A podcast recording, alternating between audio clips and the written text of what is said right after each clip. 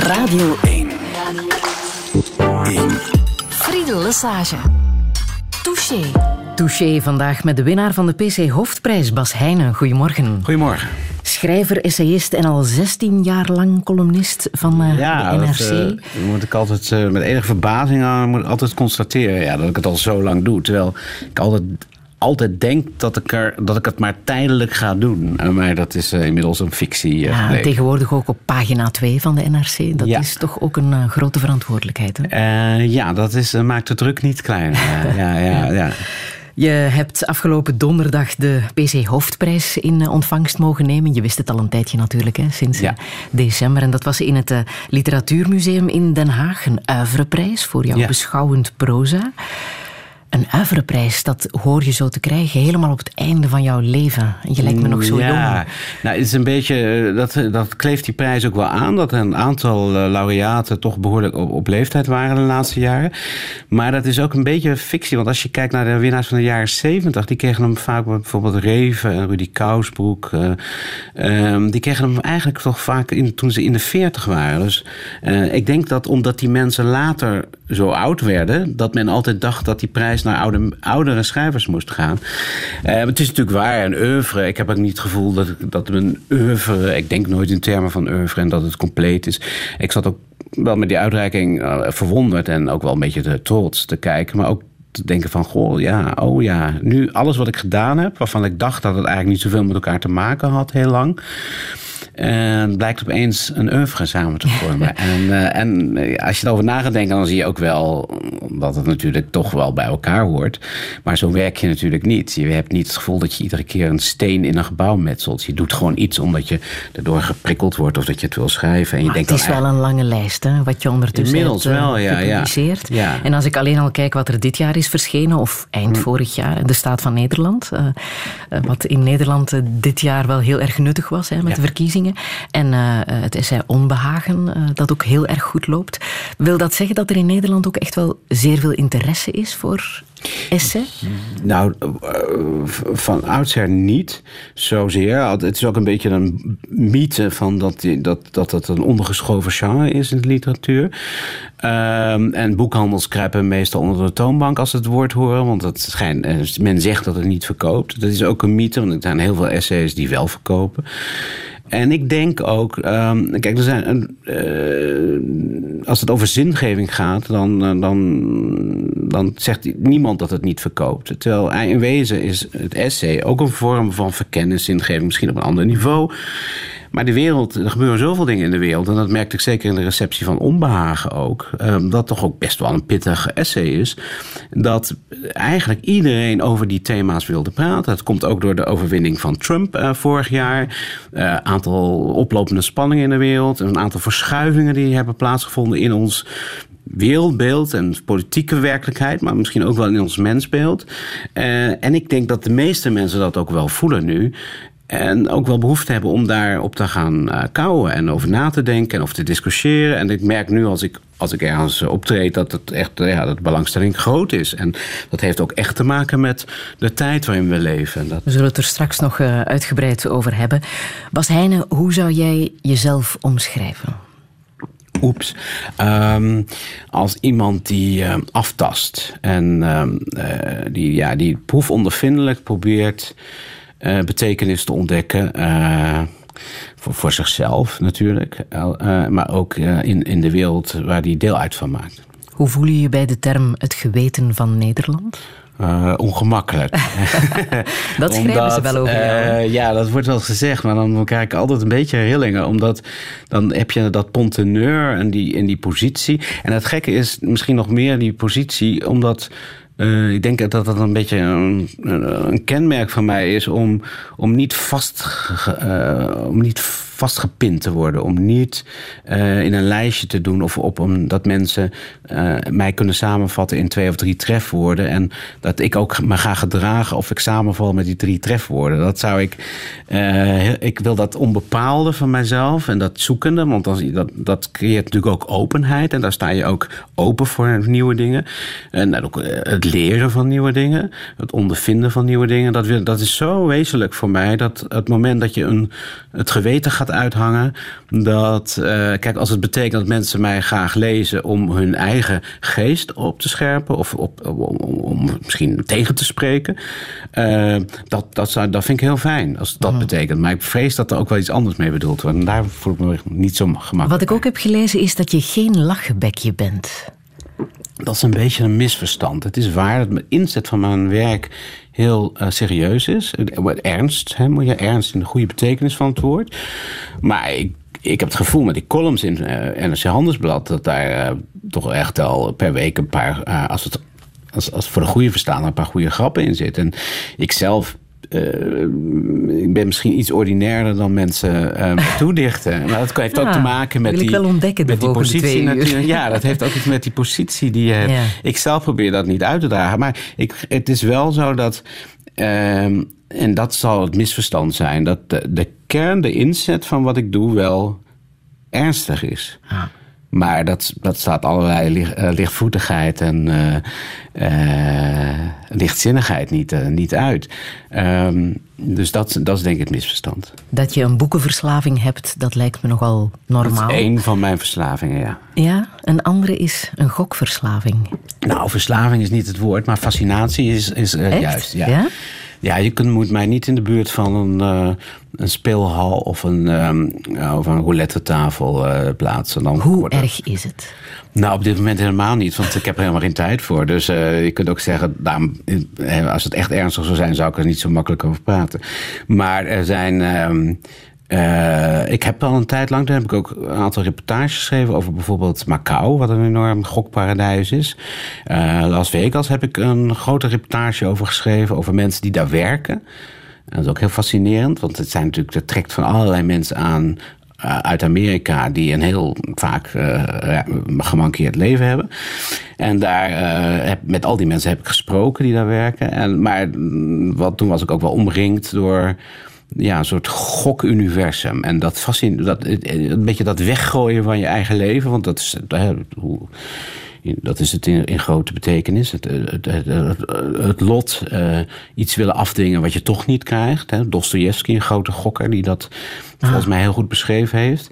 Dat, dat fascineerde me heel erg. En uh, en in Macau was het ook zo. Dat, dat, ja, daar zag je dus hele bejaarde vrouwen, vrouwen die daar uh, vermogen uh, weggooiden. En zonder één krimp te geven.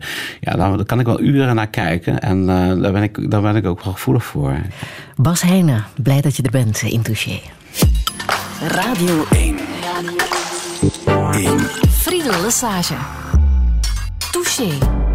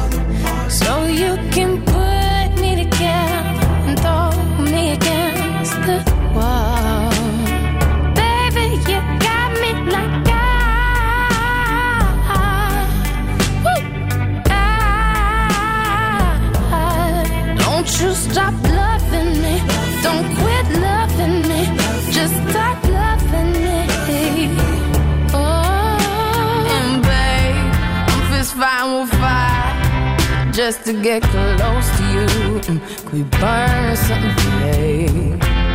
And I'll run for miles just to get a taste.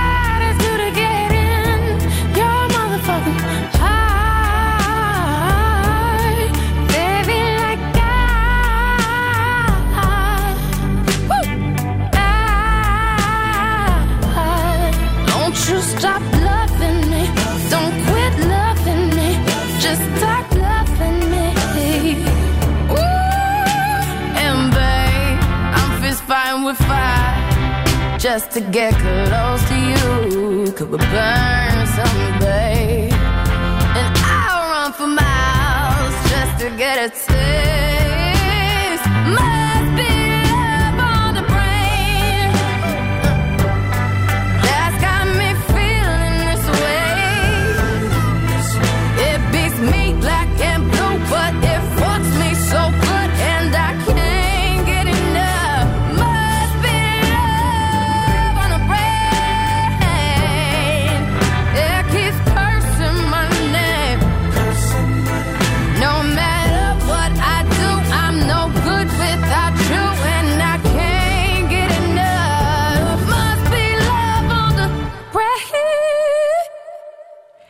Love on the Brain van Rihanna. Ja, dat krijg je, Bas Heijnen, als je ergens in een interview zegt dat jij essays schrijft op muziek van Rihanna.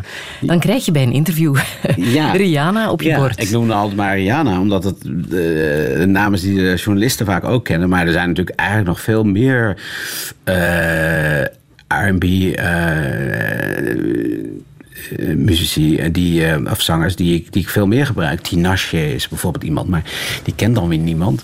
Eh, of althans de meeste mensen hier niet. Maar eh, ja, het gaat mij bij werknummers, noem ik het altijd. Kijk, dit is eigenlijk al iets te goed eh, voor een werknummer. Het, moet, ja, het is heel ritmisch. Het, moet, het, hoeft niet, het gaat niet om kwaliteit, het gaat vaak om, om ritme. Dus eh, ik heb Dat heb je nodig om te schrijven. ja, ja, ik kan eigenlijk overal wel schrijven inmiddels. Eh, aan de rand van een zwembad, bij wijze van spreken, of in een wachtkamer. Alleen ik moet wel muziek in mijn hoofd hebben. Dat is voor mij die. die eh, ja, dat, dat scherpt mij af. En dan kan ik me goed concentreren binnen dat ritme. Maar dan luister ik dus niet naar die muziek. Dat wordt vaak wel. Iedereen denkt dan dat je. Als je zo'n keiharde muziek op je hoofd hebt. En ik heb ook volgens mij een lichte gehoorbeschadiging inmiddels eraan overgehouden, al die jaren.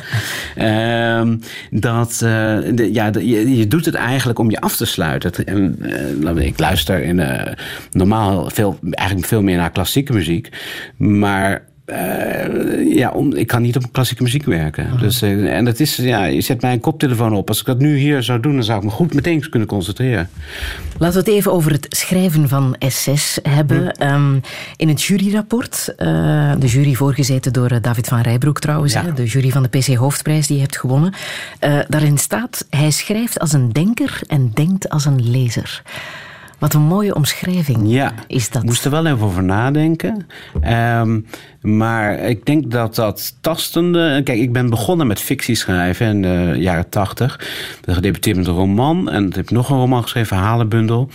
Ehm, en eh, dat heb ik gaandeweg eigenlijk losgelaten. En ja, ik weet eigenlijk niet precies eh, hoe dat dan gaat. Maar je voelt je eigenlijk steeds minder aangetrokken tot, tot fictie. En op een manier is het directer voor mij om non-fictie te schrijven. Maar ik hoop dat ik altijd wel een beetje met die, met die eh, fictieblik naar de werkelijkheid, naar die, die de gelaagde blik van de, van de romancier, eh, blijf kijken naar de werkelijkheid. Dus daar bedoel ik mee dat je niet, als je een op- opiniestuk schrijft, dat het niet alleen maar voor of tegen is, maar dat je ook probeert te duiden wat er nou in die maatschappij en ook in jezelf beweegt, waardoor bepaalde onderwerpen plotseling. eh, eh, neem, de, neem de hoofddoek, of, eh, maar dat kan ook in Nederland Zwarte Piet zijn. Eh, waarom die plotseling zo geladen worden. En dan is die, die stukken zijn dan nooit van. eh, maar ik ben voor of ik ben tegen, of het moet zus of het moet zo. Wat erachter zit, vind ik eigenlijk toch altijd veel fascinerender. En ik denk dat ik dat een beetje behouden heb. Dus als er staat van hij denkt als een lezer. ehm, dat is ook, denk ik, als je een roman leest, ik neem aan dat, dat ze dat ook bedoelen, dat je dan kom je in een wereld waarin er is dan niet een voor of een tegen. Er is alleen maar de menselijke ervaring. En mensen zijn, ehm, en dat wordt tegenwoordig helaas steeds meer vergeten, mensen zijn niet eenduidig. Mensen zijn eh, eh, tegenstrijdig. Mensen vallen niet samen met wat ze zeggen. En, en, en dat is de romancier. Eh, die, die kijkt daarachter, die ziet motieven. En iemand die misschien in de publieke opinie als het pure kwaad wordt gezien, blijkt allerlei verschillende kanten te hebben als roman. Eh, als je hem in een roman tegenkomt, zeg maar. ook als mens natuurlijk, maar dat zien we dan niet. Nou, dat is denk ik, eh, zonder al te, veel in nuances mezelf te verliezen, wel hoe ik probeer te kijken.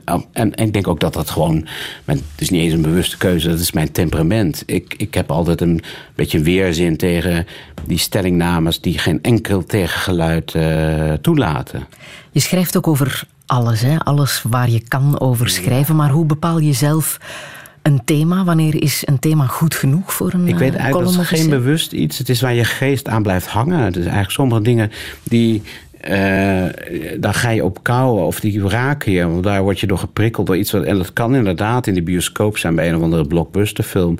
Of uh, bij iets wat ik lees op, uh, op Twitter. Of, of, of en dan ga je er eigenlijk dan ga je erover nadenken. denk je, maar hoe zit dat dan? Of, maar wat heeft, ja, als, als mensen, als je dit doet, waarom doe je dan niet dat? En, eh, eh, het, het, is toch fascinatie die de, die de trigger is. En waardoor je gaat nadenken. Uh, en dan kom je zelf, meestal als het niet uh, doodloopt, kom je zelf ook ergens waar je nog niet geweest bent. En dat is denk ik het, het, de essentie van wat ik dan een essay uh, noem. En mijn essayistiek gaat niet zozeer over het verkennen van mijn binnenwereld, over mijn geestestoestand of dit en dat. Grote Montaigne natuurlijk. De meester in was al, helemaal aan het begin van het genre. Maar juist over dat, die relatie die uh, een mens, een burger, een, een, individu heeft met de wereld waarin hij leeft.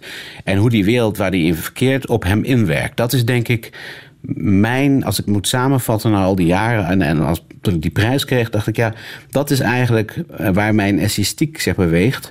En, dat kan dus ook deels journalistiek zijn, omdat je in, die, in de wereld van de actualiteit zit. Je schrijft op, in de krant op hè, elke week op pagina 2 en dan moet je op die pagina toch wel iets zeggen over wat iedereen die afgelopen week heeft bezighouden. Je kan niet iets heel uh, particuliers, wat, wat, ik toevallig uh, fascinerend vind. Nee, dan heb je ook wel de vind ik meer of meer de verantwoordelijkheid om, om dan de actualiteit van de week onder de loep te leggen. Maar dan wel onder de loep. En niet alleen nog weer een steen in diezelfde vijver te gooien waar iedereen de hele week al stenen in gegooid heeft. Nu, zo'n column schrijven is nog iets anders dan een echt essay. Ja, columns zijn een humus, vind ik. En ik probeer in die conter ook wel vaak die diepere thema's uh, aan te raken. Maar goed, die hebben 700 woorden en dat is uh, beperkt. En soms is het ook wel frustrerend. Dan, dan heb je eigenlijk uh, stof voor minimaal twee of drie keer zo, zo lang. En dan moet je heel erg gaan schrappen. En dan zie je dat het wel heel ingewikkeld wordt met 700 woorden. Dus dan is het weer erg, erg zo te veel geconstateerd.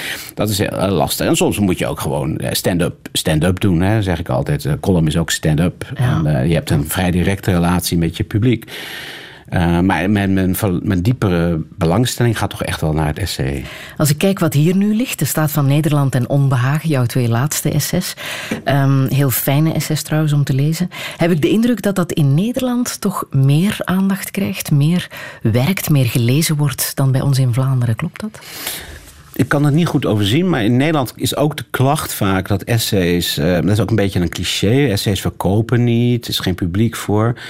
Wat niet waar is. Hè? Dat is denk ik niet uh, waar, want dit zijn twee. Uh, cijfers, uh, dit zijn echt bestsellers. En ik wil mezelf niet tot enige uitzondering verklaren. Maar, want ik denk ook dat dat onzin is. Ik denk, weet je, men roept altijd maar wat in. Het is natuurlijk net als de journalistiek heeft ook de uitgeverswereld altijd van die zelfreizende clichés, noem ik het maar. Waar, of de boekhandels, die, die apen elkaar allemaal na, die zeggen dan iets. En dat merken we wel, dat bij al mijn boeken toch, als in de voorverkoop gaan bij de uitgever, we moeten, we moeten altijd van onderaan beginnen. Omdat dat, dat, dat vooroordeel is, ook in Nederland. Nederland.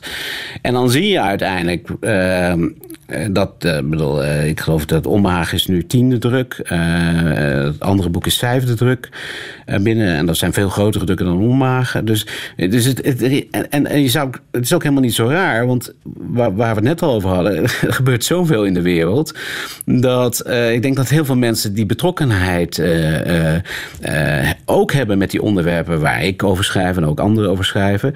Dus Ehm, en hoe dat in Vlaanderen ligt, ik denk het enige wat ik zou kunnen zeggen, was mijn observatie, en dat is met een natte vinger, dus onder voorbehoud, is denk ik dat Vlaamse essayisten wat netjes zijn. Die zijn altijd meer academisch, toch? Die voelen zich toch altijd heel erg schatplichtig aan al die denkers die daarvoor afgegaan zijn.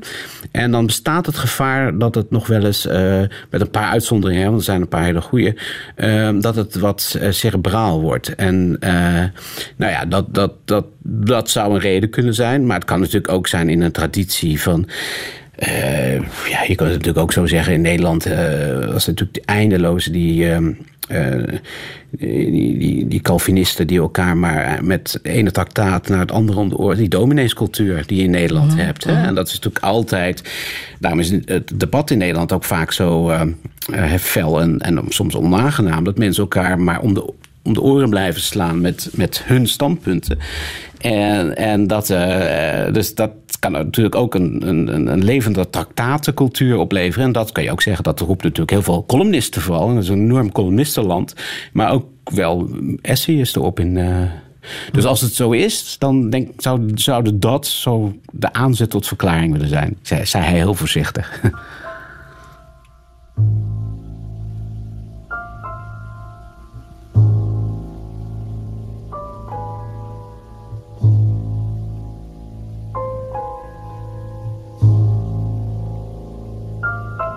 Love me, love me, say you do. Let me fly away with you. For my love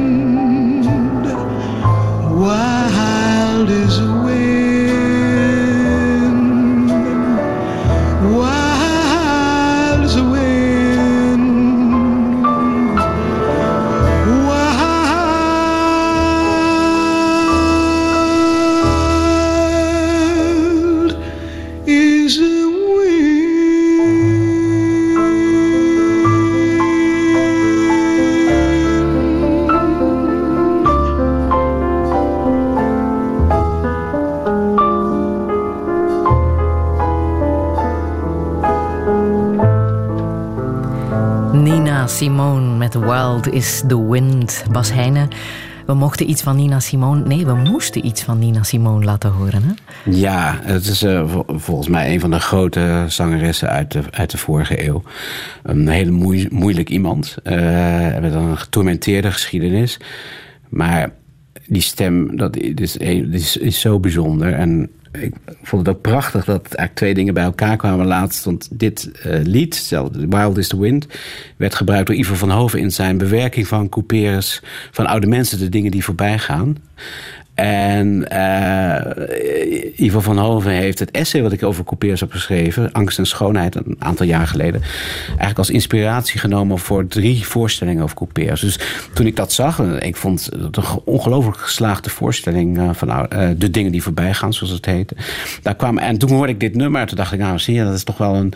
Ik heb, wel, ik heb Ivo van Hoven maar enkele keer gesproken, maar kennelijk is er toch een soort affiniteiten die in elkaars verlengde liggen. Dat ook hij dat nummer wat prachtige nummer van uh, Nina Simone uh, gebruikt. Ik wist ook dat het niet lang zou duren voor Louis Couperus zou vallen als naam. Ja, ja.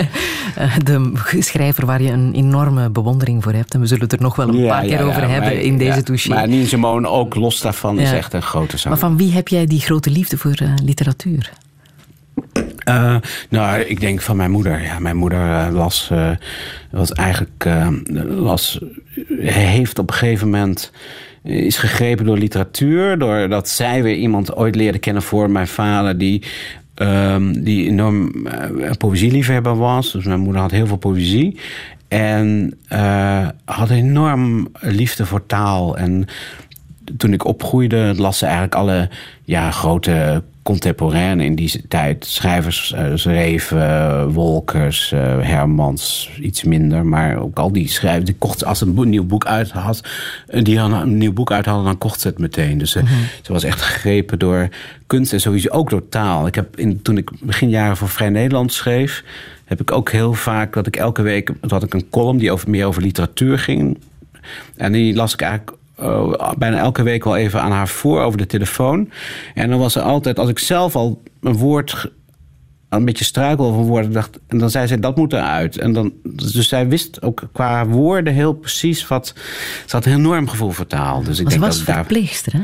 Oorspronkelijk wel ja ja. Ze heeft uh, ik zei we hoorden tot de generatie die aan de ene kant uh, voorliep omdat ze gingen werken dat tot niet zo gebruikelijk was. Ook niet uit het milieu waar ze kwam maar dat een opleiding en uh, volgde. Maar ook de generatie toen, ze trouwde en kinderen kreeg ook het werk op een gegeven moment opzij mijn vader moest verhuizen vanwege zijn werk naar de Randstad in Nederland. En, um, en eigenlijk dan op een gegeven moment ook wel spijt van kreeg dat ze haar potentieel, en ik denk dat dat enorm geweest is, toch niet door die, ja, de, de gebruiken van de tijd, zeg maar, niet verwezenlijkt had. Terwijl ze omringd werd door een tijd waarin dat plotseling natuurlijk wel, uh, dat vrouwen wel werden aangemoedigd om uh, hun, hun talent te. Te gaan, gaan uh, verwezenlijken.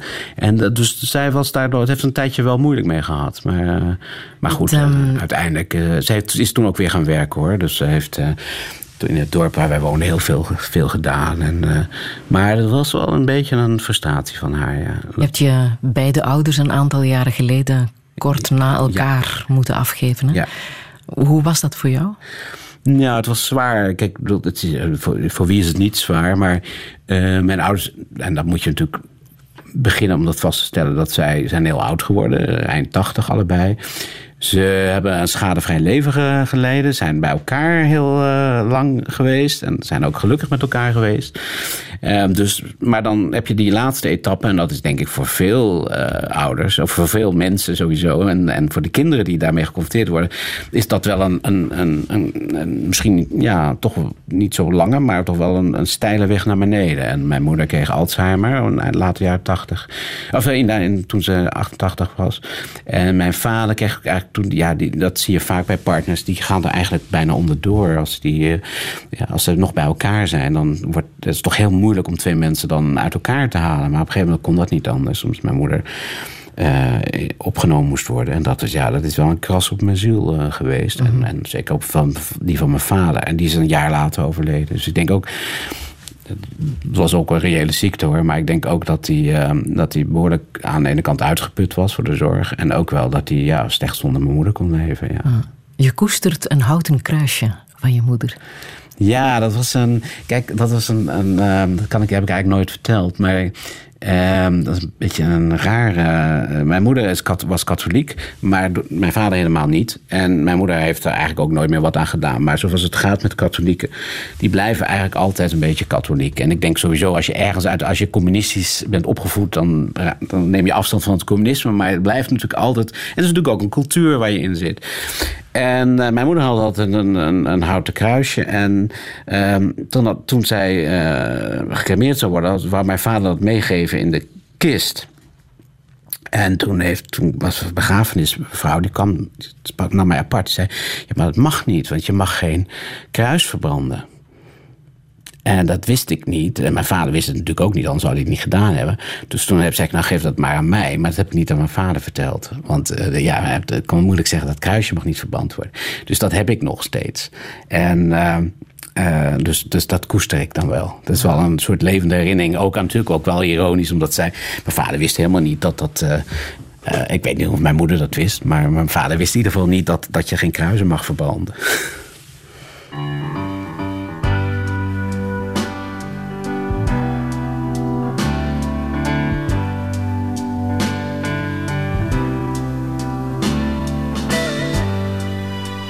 Toy balloon has sailed in the sky.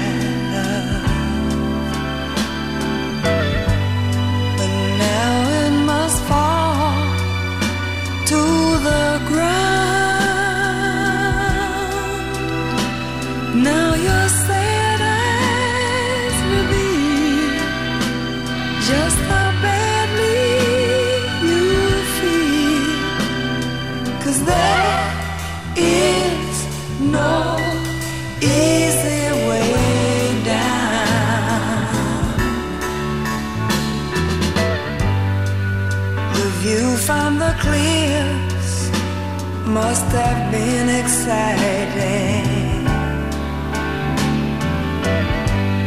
And up to the peaks you were bound.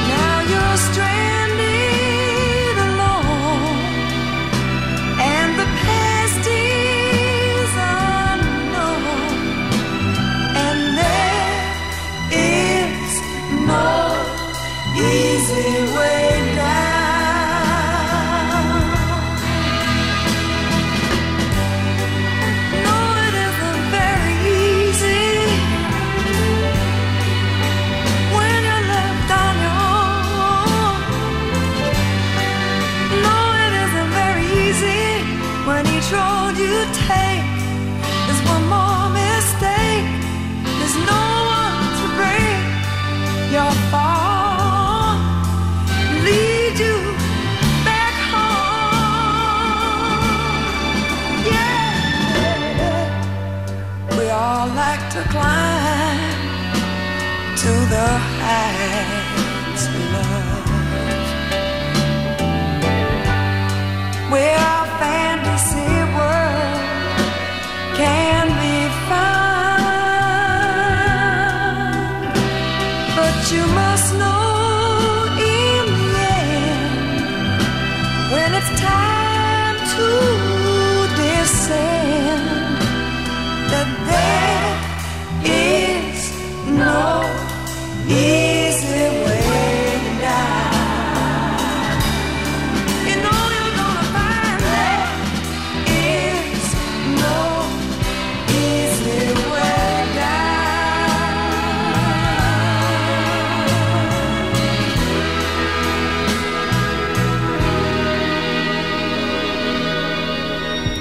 Over de pijn van het zijn No Easy Way Down, Dusty Springfield. Eh, Bas Heijnen, doe ik je ook een eh, groot plezier Ook zo'n stem, hè? ook een unieke stem. Ook een ongelooflijk moeilijk leven en een lastige geest als je de biografie leest. Maar oh, Dusty Springfield is ook een ongelooflijk. eh, en dit was, ja, het is. Het, en zij is natuurlijk, zij heeft ze is, eh, een witte soul, hè? Dat is, en, dat, en dat komt natuurlijk heel zelden voor. Eh, maar het is, het, is, het is wel echt een soul wat zij, eh, wat zij in die stem heeft. Is het ook de Britse taal die jou hierin eh aantrekt? Ja, nou, het is meer die. Wat ik knap vind, is dat het zo. Eh, het is eigenlijk een hele lichte stem. En het is inderdaad zo'n beschaafd Engels eh, geluid. Ehm, en dan soms kan dat kan natuurlijk enorm snel eh, heel eh, oppervlakkig en eh kitschy worden. En als je dan vanuit dat vind ik juist, dat, die, dat is die spanning is mooi. Dat je daarin toch die, die enorme ziel kan laten doorklinken. Juist terwijl je eigenlijk, hè, het is gewoon zo'n zo'n nummer. En dat je dat betekenis kunt geven. Dat is natuurlijk bij, eh, op de, bij een uitreiking eh, van de PC-hoofdsong eh, zangeres Wende Snijders. En dat vind ik ook zo'n ongelooflijk fenomeen. Ik geloof dat ze van, vanavond in de Boerla zingt of, of in Antwerpen. Maar een, dat is ook zo'n echte original. En die met, als zij een, een, een of ander liedje zingt, wat iedereen bijvoorbeeld, je hebt een oude. eh, ja, eh, Nederlands lied, Mens durft te leven. Dat komt uit de jaren twintig volgens mij. Dat is echt zo'n soort. Ja, torchsong zouden wij het nu noemen. Maar het is ook een soort. Ja, een hele oude. Een museumstuk. En als zij dat zingt, dan ga je helemaal. leef je helemaal op. En dan voel je een soort kippenvel. Ja, dat, dat soort zangers. En dat, dat vind Ah. ik eh, geweldig. Maar die heb je niet zoveel. Maar ik vind Wende bijvoorbeeld één. Maar, En Justin Springfield en Nina Simone, dat zijn, die, dat zijn stemmen. En ik ben nou ongelooflijk gefascineerd door stemmen. Omdat je, daar kun je eigenlijk kun je niet, zoveel, kun je niet zoveel over zeggen. Eh, De Engelse taal heb jij gestudeerd hè? Ja. aan de universiteit. Waarom? Met welke ambitie? Wat, wat wou je daarmee gaan doen? Wow, Zoals veel dingen in mijn leven. Ik, had, ik had las heel veel Engels, eigenlijk op vroege leeftijd al, omdat ik boeken wilde kopen zelf. En die, eh, die, waren eigenlijk toen heel, eh, die waren toen heel goedkoop. Eh, je- 2,5 gulden voor een Penguin Pocket. En dat, dat kon ik zelf betalen toen. En ik wilde, ik had toch een, een verlangen om die boeken zelf eh, in mijn bezit te hebben. En toen heb ik mezelf vrij snel Engels geleerd. Toen nog voordat ik het op school kreeg met een woordenboek. En dat weet ik nog wel, dat zou ik nu nooit meer opbrengen. Maar ieder woord opzoeken. En op een gegeven moment kom je dan... Kom je toch, dring je toch door in een taal. En... dus, dus en, en- en toen moest ik iets beslissen. En ik wilde eigenlijk dat ik... Ik wilde gewoon schrijver worden. Maar ik was ook... eh, hoe oud was ik? 18. Dus ja, dat is ook een beetje vroeg om te debuteren. En dat, was, dat had natuurlijk allemaal geen vorm. En toen dacht ik, nou, ik ga Engels studeren. Daar heb je altijd wat aan. Eh, eh, ik wilde niet het onderwijs in, maar ja, als het, weet je, als het nood aan de man komt, kan dat ook altijd. Dus je kunt eigenlijk alle. Engels heb je, dat, dat is geen verloren tijd. En daarna zien we wel. Ja, het meest bijzondere wat je daar misschien mee hebt gedaan is eh Conrad vertalen, Jozef Conrad, Ja, Heart ik of heb een aantal boeken jij, vertaald. En daaronder toen als slotstuk eigenlijk... Ik heb Evelyn Waugh, dat is ook een schrijver die ik zeer hoog heb. Engelse schrijver. Ian Forster, waar ik enorme waardering voor heb. Ehm, eh, Room with a View heb ik vertaald. eh, Where Angels Fear to Tread. eh, Handful of Dust van Evelyn Waugh. En toen heb ik uit... Ja, als slotstuk werd ik gevraagd om voor uitgeverij Veen... Die had een klassieke reeks... Waar ook de vertaling van Wuthering Heights van Frans Kellerdonk in zat. Dus daar keek ik ook wel tegenop. En die vroegen mij, wil jij Heart of Darkness vertalen? En Heart of Darkness is geschreven in 1899, gepubliceerd in 1900. En dat is een novelle ja, die de meeste mensen wel kennen... eh, maar toch weinig mensen gelezen hebben. Ook omdat het Engels van Conrad, dat is een oorspronkelijk een Pool, eh, behoorlijk raar is. Het, het is goed Engels, maar het is ook een beetje woordenboek Engels. Er zitten allemaal woorden in die een Engelsman eigenlijk niet vanzelf zou gebruiken. En ritmisch is het on-Engels. Eh, en het, het verhaal is vooral beroemd omdat het eh, verfilmd is en aangepast verfilmd door Coppola, Apocalypse Now. En dat is, die film kent iedereen. Maar de- daar is de setting eigenlijk eh, vertaald naar, naar de, naar de Vietnamoorlog. Dus Maar het bijzondere is dat dat boek jouw leven mee heeft beïnvloed. En daar ja, is ik denk dat gebeurd. mijn wereldbeeld. ehm dat zijn eigenlijk twee polen. En die kun je eigenlijk. Ian Forster is eigenlijk de grote humanist. Passion to India. Dat is eigenlijk de, de, de, het verlangen. eh, naar, van mensen om de grenzen waarmee ze opgroeien te overstijgen en elkaar in, een, in, een, wat, in een diepere zin te ontmoeten en, en, en, en met elkaar eh, verbonden te raken. Eh, aan de andere kant is dat een soort schaduwbeeld, pessimistisch beeld van Conrad. Die ziet als een mens, dat een mens, als hij, ja, dat, ah, dat, dat, dat verlangen van, eh, van Forster, hoewel hij dat zelf ook wel zag, totaal. eh, ja, soms eh, tegen de klippen oploopt. En dat, het, dat die mens helemaal niet daartoe geëigend is van nature om elkaar in de armen te sluiten. En bij, Con, bij Conrad zie je het eigenlijk nog dieper dat die mens, en dat is Mr. Koorts, dat is de handelsagent die in, in Congo ontspoort in de tijd van de eh, van de Belgen. Ehm, ehm, en, en daar eigenlijk, als hij los komt te staan van zijn eh, context, zijn beschaving, zijn, zijn, de wereld waar die hem overeind houdt, eigenlijk vervalt tot beestachtigheid. Hij wil goed doen, maar daardoor doet hij verschrikkelijk Ja, hij, heeft- slecht. hij kon- gaat eigenlijk met een norm. eh, en eh, daar wordt ook steeds geprezen. Hè. Dat is, het is een soort novelle die. Je, komt, je ziet hem niet. Er wordt steeds dingen over hem gezegd. Maar je hebt hem eigenlijk nog niet ontmoet. Hè. Dat is ook een prachtige nieuwe techniek voor die tijd. Premodernistisch. Je krijgt steeds verhalen over Koerts te horen. De verteller hoort steeds mensen iets zeggen over Koerts. En krijgt daardoor steeds een ander beeld van hem. En aan de ene kant dat hele hoogdravende beeld van de man die de beschaving gaat brengen in de binnenlanden van Afrika. En eh, grote plannen heeft. Ook een, een rapport gaat schrijven ter eh, eh, afschaffing van de barbaarse praktijken. Maar in wezen zelf. een hol, hol mens blijkt te zijn. Die met, met de mooiste woorden de meest afschuwelijke daden pleegt. En die krijg je ook alleen maar zo te zien. Op een gegeven moment komt eh, Marlow bij de compound eh, van Koorts aan. Heeft hij Koorts nog niet ontmoet. En dan ziet hij iets soort beelden daar verderop staan. Met ver- en dan kijkt hij door zijn verrekijker en ziet hij dat het afgehakte hoofden zijn. En eh, op dat, dat rapport wat hij vindt, wat Koorts geschreven heeft... ter afschaffing van barbaarse praktijken... dan staat er, ja, dat zijn prachtige, prachtige zinnen... met de meest lichtende ideeën over beschaving. En dan zegt hij, ja, maar misschien wel iets weinig praktische aanbevelingen. Tenzij dat ene wat er in een ander soort handschrift doorheen gekrabbeld is. En dan staat er, exterminate all the brutes. Uitroeien die beesten. En dat is denk ik eh, de verlichtingskritiek, noem ik het al maar, van Conrad. Die zegt van ja, maar die mens die zichzelf van alles toedicht. eh, in bepaalde omstandigheden kan die heel makkelijk eh, met de mooiste woorden en de beste motieven. tot beestachtigheid vervallen. het en, en dat heeft mijn wereldbeeld. ik ben opgegroeid in de jaren 70, waar toch men, er gebeurde genoeg in de jaren 70, maar men toch de verwachting had dat men steeds een stapje vooruit zou zitten.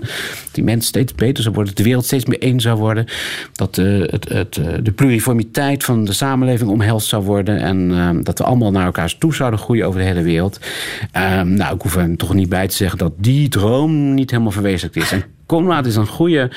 eh, goed iemand die zonder cyn- cynisch te worden, want dat, dat, eh, dat ben ik denk ik ook nooit geworden, toch een zekere sceptisch eh, ontwikkelt ten opzichte tegen al te rooskleurige verwachtingen. In de, Nederli- in de Nederlandse literatuur, en de naam is al gevallen, heb je een zeer grote bewondering voor eh, de Hagenaar Louis Couperus. Je noemt hem eh, jouw imaginary friend, terwijl hij zelf eigenlijk bij leven helemaal niet zo populair was, hè? niet zo geliefd. Nee, althans zeker niet met had met een aantal minder, minder goede boeken. Een beetje die wij nu niet meer lezen. Majesteit en zo. Daar was hij heel populair mee. En Eline Veren natuurlijk. Die, dat verkocht ook heel goed. Dat was zijn eerste grote roman.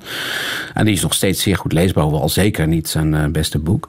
Maar juist toen hij steeds beter werd, ging hij steeds slechter verkopen. En hij was natuurlijk omstreden om vanwege dat mensen toch wel voelden dat hij eh, niet eh, in dat burgerlijke Nederland helemaal op zijn plek was. Wat voor iemand was hij eigenlijk? nou ja, hij heeft het, beeld ontstaat van een dandy, een flaneur. Eh, en, en daarachter zat natuurlijk een soort argwaan eh, vanwege zijn seksualiteit, waar men wel vermoedens over had. Ehm, en ik denk ook als je het werk leest dat het wel degelijk duidelijk is dat, dat hij homoseksueel was. En dat voelde men, men maakte spotprint over hem. Maar eigenlijk eh, in Nederland is hij in de jaren 70 vooral heel populair geworden door tv-series van De Stille Kracht, een van zijn beste boeken.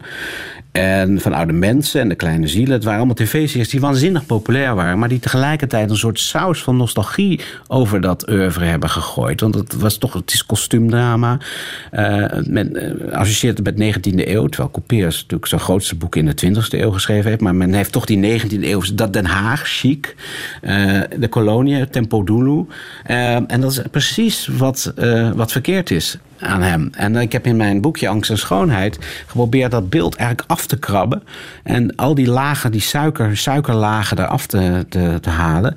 En te laten zien dat hij een schrijver is die bij uitstek modern is. Omdat hij vanuit onzekerheid eh, schrijft, vanuit het zoeken schrijft. Omdat hij, toen hij geboren werd in 1863, eh, dat alles in de wereld recht overeind stond. Die burgerlijke cultuur in Den Haag, het het kolo- koloniale bewind.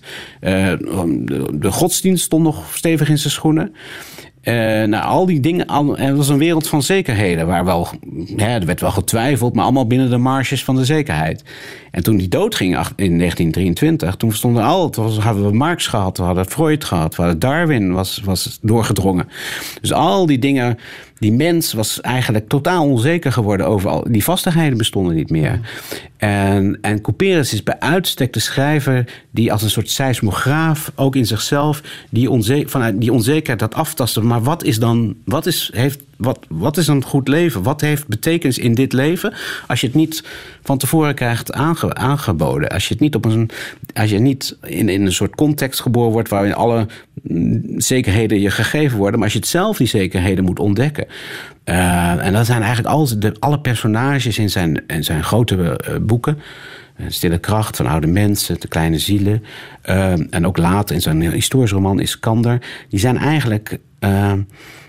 Eh, in, die zijn eigenlijk in een wereld beland waar ze eigenlijk geen, waar ze geen houvast meer hebben. En, en eh, dat is denk ik eh, waar, waarop hij, waar, het moment waarop hij ook weer heel modern is. Omdat wij ook in een wereld leven waarin die zekerheden.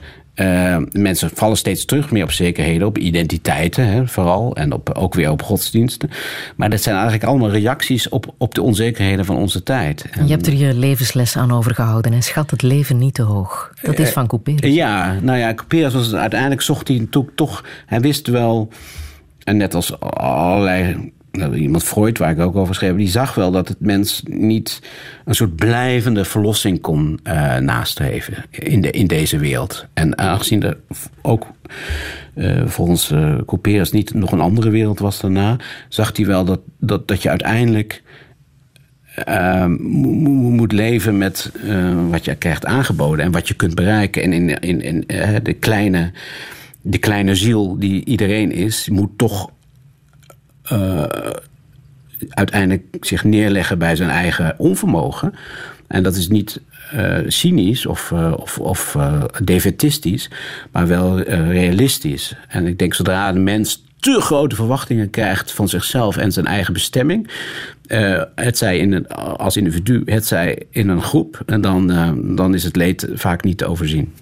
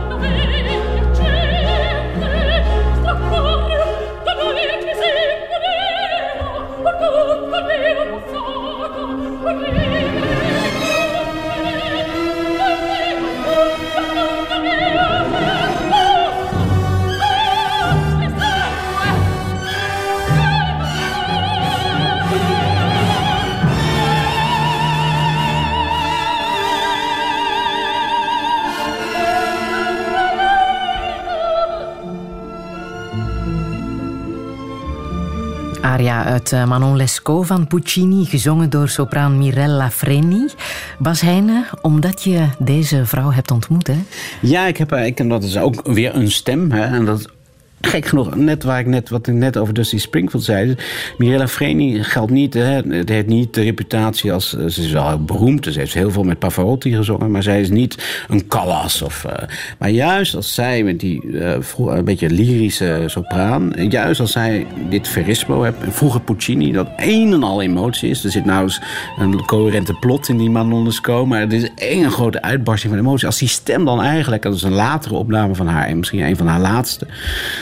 Ehm, dat daar een soort, alles onder spanning komt te staan om die, om die zuivere emotie uit te drukken. En dat is een beetje, ik weet niet of mensen het op zondagochtend eh, aankunnen, maar dat, dat, eh, ja, dat, dat fascineert me. En ik heb haar toen opgezocht omdat ik haar bewonderde.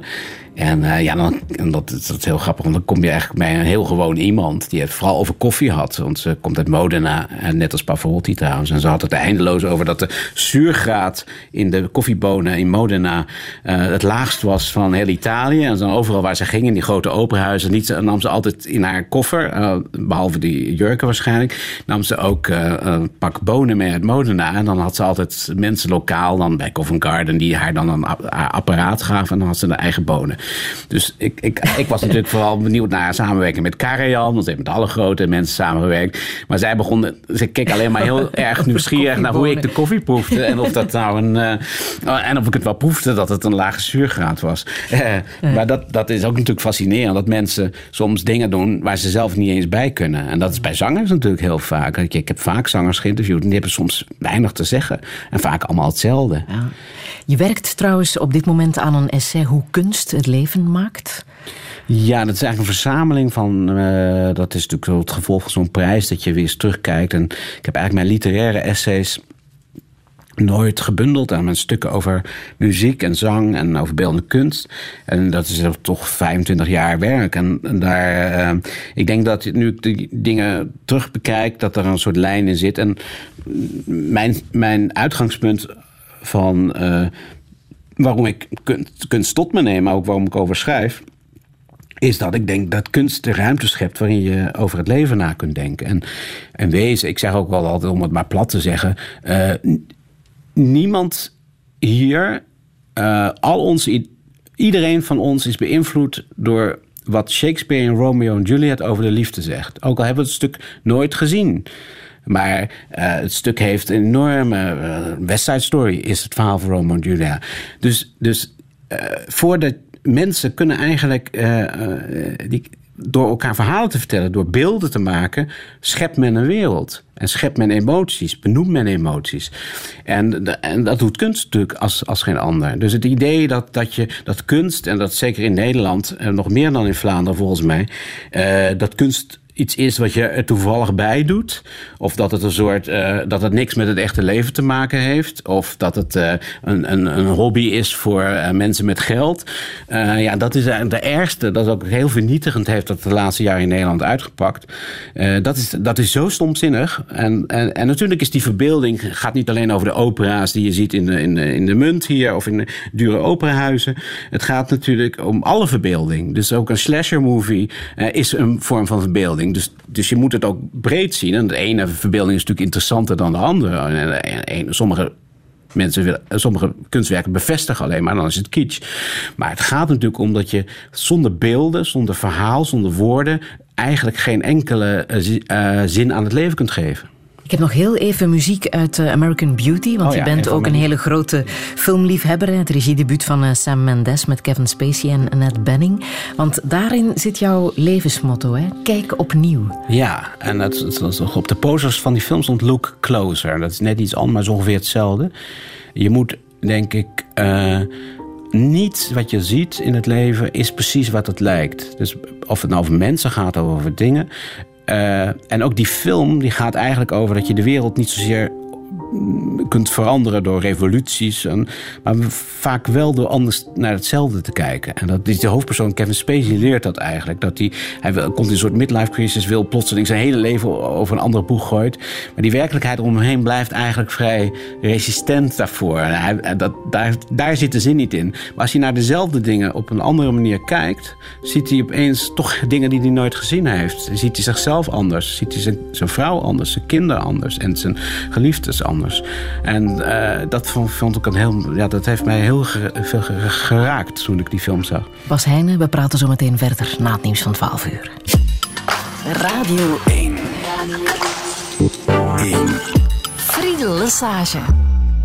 Touché. Touché met het geweten van Nederland. Schrijver, columnist en essayist Bas Heijnen. Afgelopen donderdag mocht hij de PC Hoofdprijs in ontvangst nemen voor zijn beschouwend proza.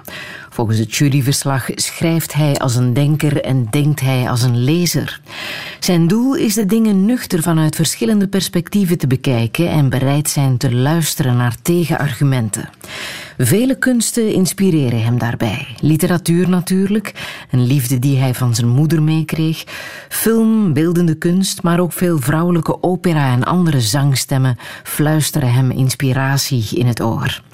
Maar hoe moet het verder met deze wereld? Heeft Frankrijk met Macron de juiste keuze gemaakt? Van waar komt ons alom aanwezige onbehagen? En wat heeft hij met Hugh Hefner, van de oprichter van Playboy? Dit is Touché met Bas Heijnen. Een zeer goede middag. C'est l'histoire d'une trêve que j'avais demandé, c'est l'histoire d'un soleil que j'avais espéré, c'est l'histoire d'un amour que je croyais vivant, c'est l'histoire d'un beau jour que moi, petit enfant, je voulais très heureux. Pour toute la planète, je voulais, j'espérais que la paix règne en mettre en ce soir de Noël. Mais tout a continué, mais tout a continué, mais tout a continué. Non, non. do.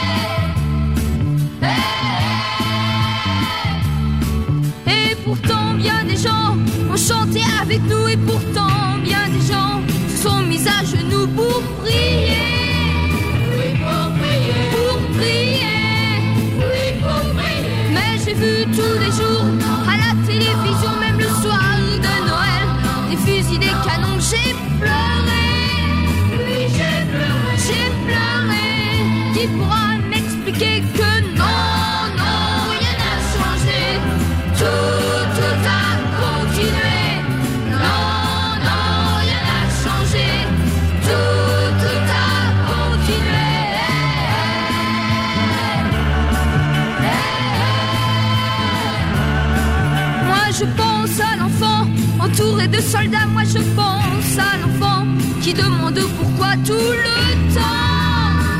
tout le temps. Tout le temps. tout le temps. Moi je pense à tout ça, mais je ne devrais pas toutes ces choses-là.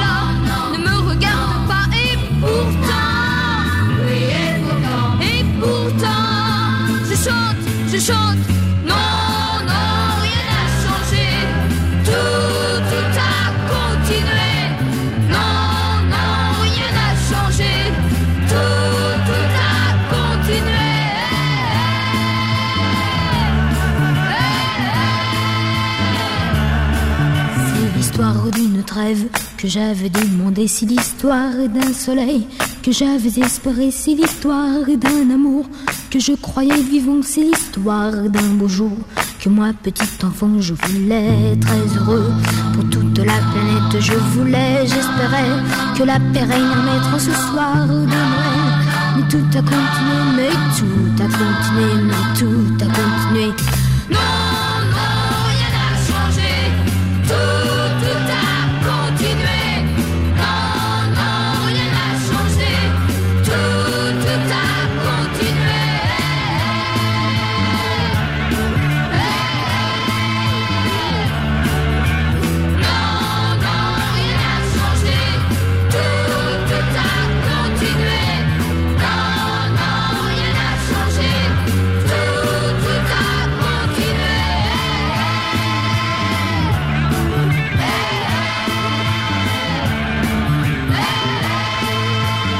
Les Poppies met hun hit uit 1971 en nog steeds een van de populairste Franse chansons.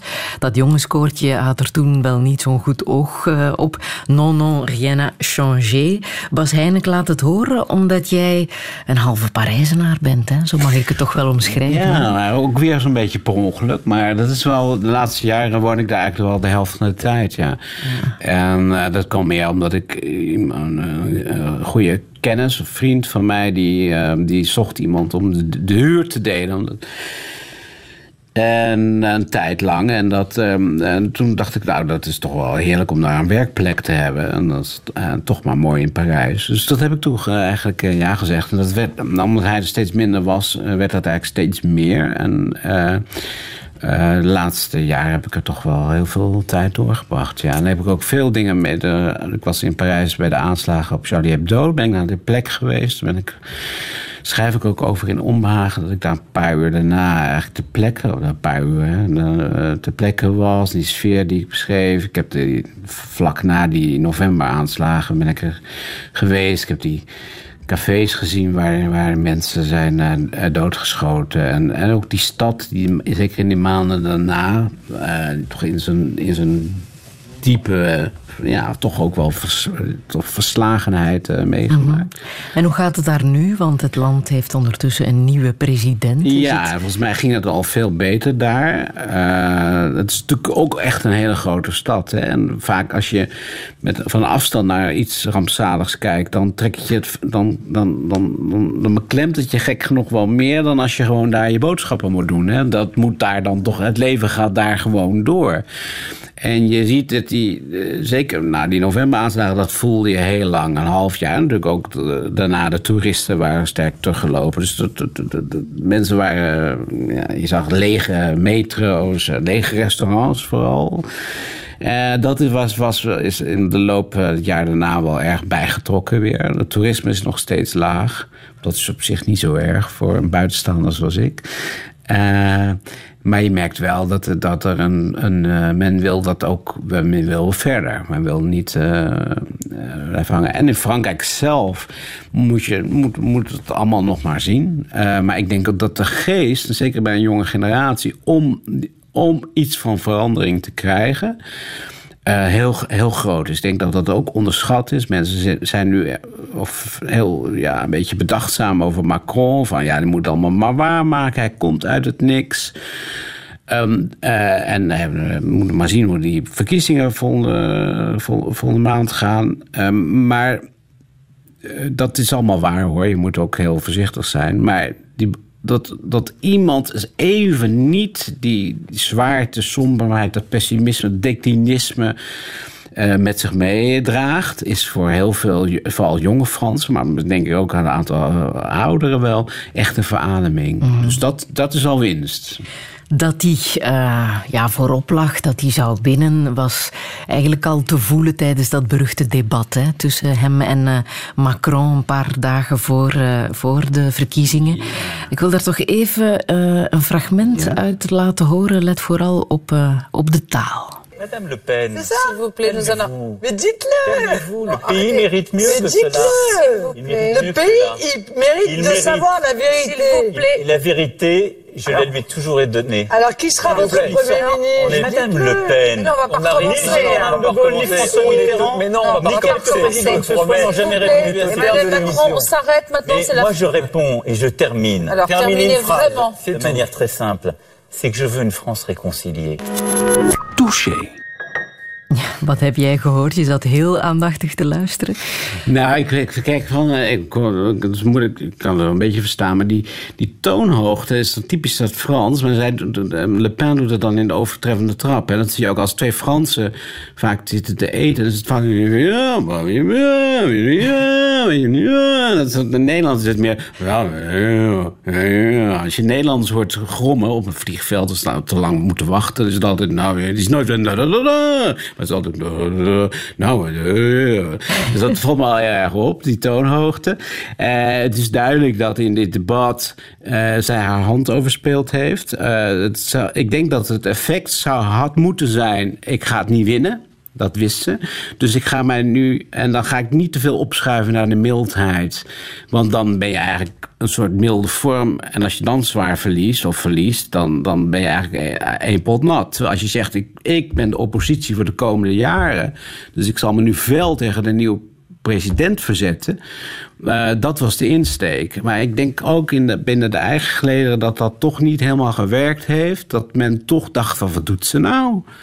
Eh, al die chicheid die ze zo, zoveel heeft opgebouwd, gooit ze, gooit ze overboord. En ik denk dat dat, ze- dat dat haar niet echt lag, waardoor ze een soort rol speelde, à la Trump, waar ze dan toch naar gekeken heeft. Of Wilders in Nederland, die toch ook weer invloed heeft gehad, ook op, op, op, op Trump trouwens. Dat, eh, dat het haar niet ligt. En als iets je niet heel goed ligt, moet je het vooral niet doen, want dan mislukt het. Dus ik denk dat haar dat echt wel. eh, en daardoor, kijk, als zij 40% van de stemmen had gehaald, dan had ze verloren. Maar dan was ze wel. eh, ja, dan, was ze, eh, dan moet, moest iedereen toch echt verschrikkelijk veel rekening met houden. Nu heeft ze nog wel bijna 34%. Maar dat is toch echt een tegenvaller. Over Wilders schrijf je in de Staat van Nederland: Wilders kan geen minister-president worden door zijn onverzoenlijke politieke taal. Het ligt hem aan het taalgebruik en wat er eh, daarin wordt Als gezegd. heel veel mensen opgewonden raken omdat je andere mensen voortdurend eh, nou ja, beledigt, schoffeert, eh, hoont, eigenlijk ja, denigreert. Dat vinden heel veel mensen, dat is bij Trump ook, die aanhang vindt dat geweldig. En het is enorm opwindend. Het is ook een soort taal van een revolutie. Maar als je daarna gewoon in een coalitie moet zitten, zoals Wilders nu, want ja, hij, is ook weer, heeft toch uiteindelijk meer stemmen gehaald. Maar hij heeft wel eens een keer meer stemmen gehaald dan hij nu gehaald heeft. Het is toch niet die, dat sweeping, eh, dat idee, wij nemen het over. Wat na Brexit en Trump was dat toch een beetje de lijn. En dan, en dan moet je eigenlijk ja, aan de ene kant die radicale taal eh, overeind houden. Aan de andere kant moet je gewoon poli- politicus zijn. En zeker in een coalitieland als Nederland, dan, ja, dan, dan past dat heel slecht. Dus nu probeert Wilders het met, eh, nou worden wij weer buitengesloten. En ik heb dit weekend geschreven, van, nou ja, buitensluiten. Jij, eh, Wilders of u, sluit eigenlijk je eigen partij uit. Als je mensen voortdurend in hun gezicht gespuugd hebt, kan je niet opeens zeggen van, nou, nou willen ze niet met me samenwerken. Dat is raar. Dan moet je toch op, moet je opschuiven. Als je bevolkingsgroepen echt beledigd hebt, zal je, ja, zal je op een gegeven moment moeten laten zien dat je genuanceerder kunt zijn, dat je pragmatischer kunt zijn, dat je naar oplossingen zoekt. Als je in, dit, in die virtuele wereld van de totale afwijzing of de belofte van de totale overname, wat vaak leeft in die kringen. ehm, ja, als je, daar, als, dat, als je dan niet de grote meerderheid wint, of in ieder geval niet zo groot wordt dat iedereen toch moet buigen voor je, zul je jezelf moeten inschikken. En dat is wat Le Pen, denk ik, beter begrijpt. Maar dat is nog maar de vraag, want ze heeft ook echt radicale elementen in haar partij. Ehm, maar zij begrijpt dat beter en zij heeft meer een organisatie en zij kan meer koers. Maar dat wordt al heel zwaar. Aan de ene kant moet je dus een soort radicaal publiek, eh, inmiddels geradicaliseerd publiek, op rechts eh, eh, tegemoet komen. Aan de andere kant moet je laten zien dat je die andere mensen die je tegen je in het harnas hebt gejaagd, die dus fel tegen jou zijn, ja, als je die, die moet je toch tegemoet komen, anders win je nooit. Je pleit ook echt voor een democratisch wil blijven. gezondere taal tussen publiek en, en politiek. hè. Nou ja, Ontmasker de retoriek terug naar, naar de Het is feiten. vooral die hyperbolen. Hè? Kijk, als ik zeg, laten we zeggen, Brussel is een stad met een hoop eh, problemen. En dan moet die hier... Moet om even de man te citeren die eind deze week naar hier komt, Donald Trump. Ja, maar dan heb je dus, dat is weer die hyperbool. Dus als je zegt, dus dit moet beter, dit gaat niet goed, eh, dit, daar zijn problemen, dan, heb je dus, dan kan je heel fel zijn, heel kritisch, maar dan heb je dus wel iets op tafel waar vervolgens eh, naar een oplossing gezocht kan worden. Als je hellhole noemt, of puinzooi, of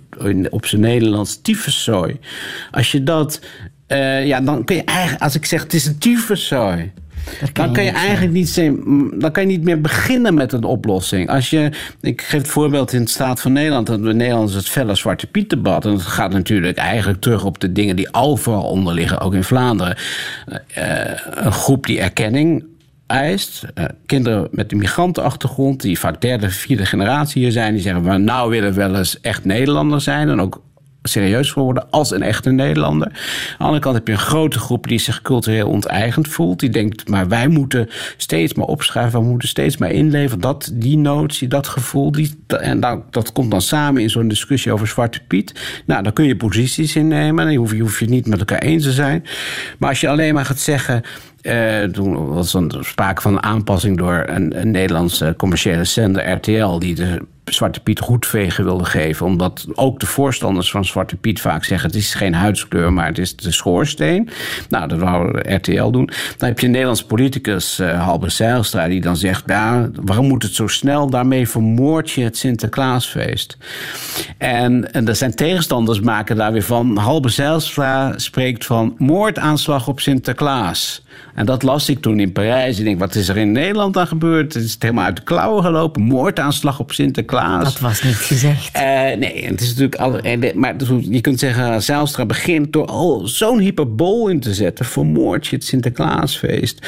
Waardoor, en die tegenstanders gaan dan nog een, een, nog een grotere hyperbool. Moordaanslag, hè, een tijd van aanslagen. Zeer, zeer bela- eh, bez- bela- ja, eh, zware term. Ehm, ja, dan waar, moet je, hoe kun je dan nog een discussie voeren? En ja, kijk, als, als een debat alleen maar is elkaar zo hard mogelijk met een natte handdoek in het gezicht slaan, dan heb je dus eigenlijk helemaal geen debat. En dat, dat, dat voel je natuurlijk ook. Dat die hyperbolen zijn eigenlijk om die ander volledig uit te schakelen door een woord. Hè? Door, eh, door hem eigenlijk eh, niet toe te laten tot het debat. En dat geldt voor alle kanten trouwens. Hè. Dat moet ik er zeker bij zetten. Het is niet alleen rechts tegen links. Het is vaak, en dat wordt in Nederland demoniseren genoemd. Het is, je gaat uiteindelijk. eh, je, je wil de andere hors concours zetten. Je wil hem niet meer toelaten. En, en dan merk je ook in de taal van de journalistiek. En de NRC eh, Handelsblad, waar ik voor schrijf... had je een stuk op de site dat enorm scoorde. En dat ging over mindfulness. Nou, toch een zeer ongevaarlijk onderwerp. Ja. Daar zijn ook discussies over of het werkt of het niet werkt, enzovoort, enzovoort. En dat stuk had de kop, ga toch weg met je mindfulness. En dat, ook dat heeft weer een beetje die, dat sweepende zo van... ik heb eigenlijk geen zin om nog naar tegenargumenten te luisteren. Nou, dat scoorde enorm, dus we moeten ons allemaal zelf schuldig eh, verklaren... dat we dat toch graag lezen dan een stuk waarboven staat... mindfulness voor en tegen. Dat is Ja. veel minder opwindend. Dus die opwinding in die taal is tegelijkertijd ook een grote barrière om het ergens nog over te hebben.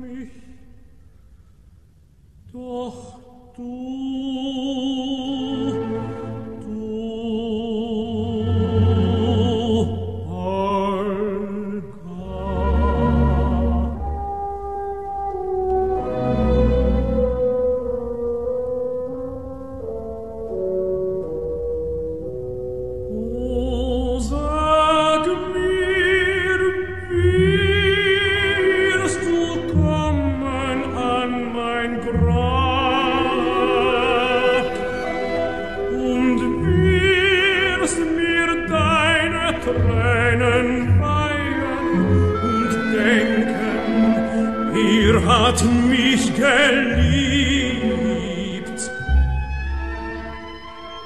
Er gab für mich sein junges Leben und das Glück der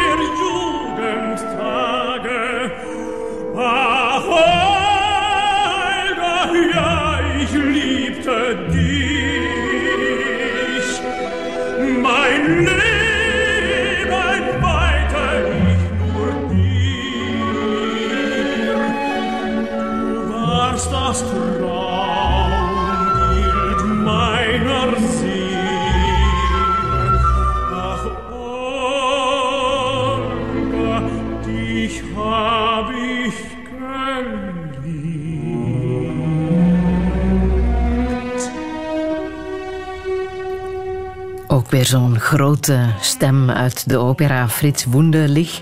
Zong een eh, fragment uit Onegin van eh, Tchaikovsky, Bas Heijnen. Ook een van de stemmen die bovenaan jouw lijstje Ik denk staat. wel, eh, dit, dit is misschien wel mijn favoriete stem aller tijden. Ja, Ja? Dat, dat is, Wunderlich is een, is een, is een, ja, een heel, ook weer dat, eh, ook een- iemand die in zijn leven, ik bedoel, ik heb hem niet heel veel interessante gedachten horen uiten, of, eh, maar een soort wonderlijk, uh, naturel, een ongelofelijke stem. En eh, aan de ene kant een, soort heel lyrisch, tegelijkertijd heel stevig. Dit is eh, in Duits notabene, maar dat doet er helemaal, dat is natuurlijk in Russisch oorspronkelijk, maar dat doet er eigenlijk helemaal niet. Alles wat, als hij Granada zingt, nou, een geweldig kitsnummer, dan staan echt de haren, dat kan ik de luisteraars echt even aanbevelen om te, op, op, op, te, streamen. Granada door Frits Wunderlich. En dat is met een arrangement, dat is zo kitsch als je het maar bedenkt. Maar die stem, die, die, die, meer dan Pavarotti daar gaan je haren recht van overeind staan. Dat is eh, prachtig. Bas Heijnen, laten we het eens even hebben over identiteit. Het is iets wat jou eh, enorm bezighoudt. Hè? We zijn allemaal op zoek naar identiteit.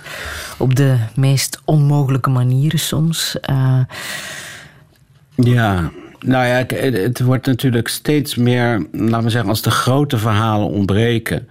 Hè, eh, en men zich voelt bedreigd door een wereld die misschien heel te complex wordt of te ongrijpbaar wordt en, en te bedreigend wordt, dan valt men terug op kleine verhalen. Of dat nou nationalisme is, kijk naar wat er in Turkije gebeurt of in Rusland. Ehm, en dan, en, en, maar ook in, eh, in West-Europa natuurlijk, zie je dat men steeds meer op, ja, naast op zoek gaat naar een soort vorm van ehm, ja, eh, cultureel lijfsbehoud, kun je zeggen. En, en daardoor eh, in mildere vormen en min- in minder mildere vormen dat probeert vorm te geven. En ik denk dat dat de, de, dat is de grote ontwikkeling van de laatste twintig jaar in de, in, de, in de politiek. En die is die heel lang eh, dat heb ik ook wel gemerkt, eh, over het hoofd gezien door, laten we zeggen, op links, is daar altijd zeer meewarig naar gekeken. En ook eh, werd er ook zeker gekeken van wat komt er nou toch voor iets vies uit de grond opborrelen. En heeft mensen eigenlijk daar niet mee geëngageerd. Terwijl als je iets weet van globalisering en immigratie hoort ook bij globalisering, al die processen, dan is het niet meer dan natuurlijk dat daarmee eh, bepaalde verlangens eh, weer naar benning zoeken. En, en hoe, je daar ook in staat en welke mening je daar ook over hebt, is het denk ik wel belangrijk om je daarmee te engageren. En dat heeft men heel lang verzuimd. En ik heb dat toch ook wel, zeker ook in Vlaanderen gemerkt, toen een boekje Moeten wij van elkaar houden schreef in 2011, dat mensen daar toch iets keken van wat is er aan de hand? Hij verdiept zich veel te veel in deze, in deze nieuwe behoefte aan identiteit. En eh, is, hij, is hij naar de foute partij overgelopen en zo.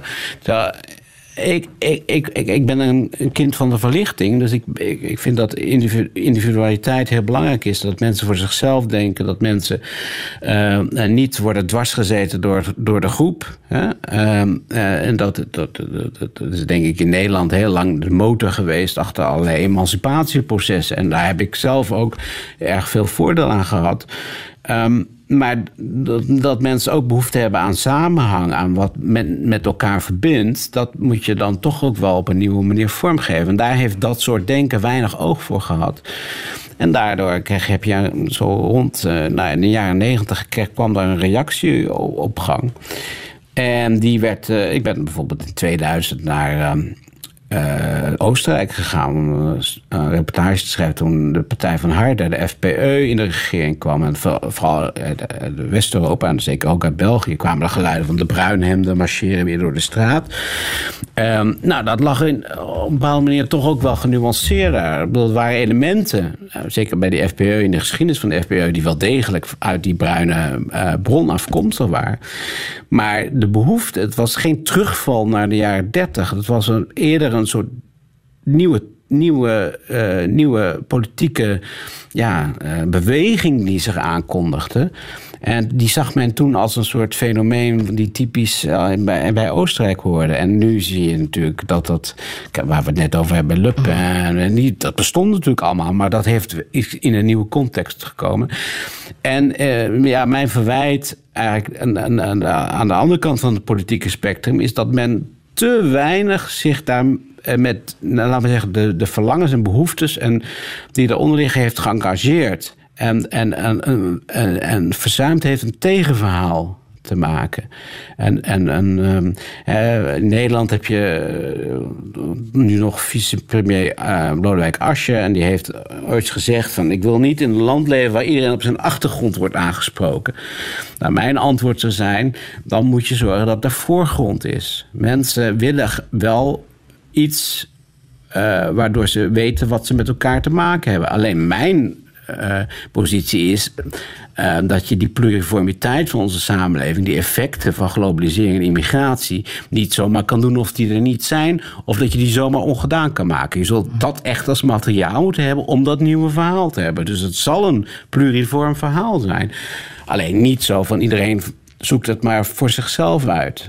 En me- Mensen moeten iets samen kunnen delen. Nou, dat is, dat is een opgave van je welste. Ik zeg niet dat ik alle antwoorden heb, maar dat moet wel een uitgangspunt zijn. Dat is ook humanisme, wat Nou, jij dat is een vorm van humanisme. Ja, en, kijk, het verlichtingsdenken heeft, een, eh, heeft heel veel gebracht, maar je- dat moet ook bekritiseerd worden. Het is een streven. En, en als je zegt iedereen is individu en maakt zijn eigen wereld, wat zowel op een gegeven moment ja, in cultureel opzicht een beetje werd, maar ook het liberalisme of het neoliberalisme zoiets had van je gaat naar de universiteit met een voucher. Hè, dat heeft Mark Rutte, onze minister-president, nog bedacht. Je gaat een voucher en als je niet bevalt, ga je naar een andere universiteit. Daar heb je ook een voucher voor. Nou, dat klinkt heel goed, want het is allemaal zelfbeschikking. Maar ehm, daardoor eh, eh, verwatert wel een zeker eh, weefsel van de samenleving. En dat is dus niet alleen door immigratie, wat de rechts altijd van maakt, maar ook door dat neoliberalisme. Door technologie, waardoor mensen toch steeds minder met elkaar in contact komen. Ook door economische dingen, dat mensen elkaar minder ontmoeten. Vroeger waren heel veel mensen uit verschillende lagen kwamen elkaar tegen in de maatschappij. Dat gebeurt ook steeds minder. Al, het zijn dus talloze effecten. Maar het gaat er natuurlijk om van wat doe je daarmee? En wat voor verhaal breng je mensen? Nou, je kunt nu zeggen dat de, als, je nu, als je Merkel, Macron en uh, dat soort mensen. Nou, die, die opdracht die dit soort politici. alleen maar winnen is niet genoeg. Je moet ook werkelijk met iets komen. En je kunt niet alleen maar tegen Le Pen zijn of tegen de alternatieven voor Duitsland. Dat is niet het nieuwe verhaal. Je moet dan toch met iets, iets, iets komen.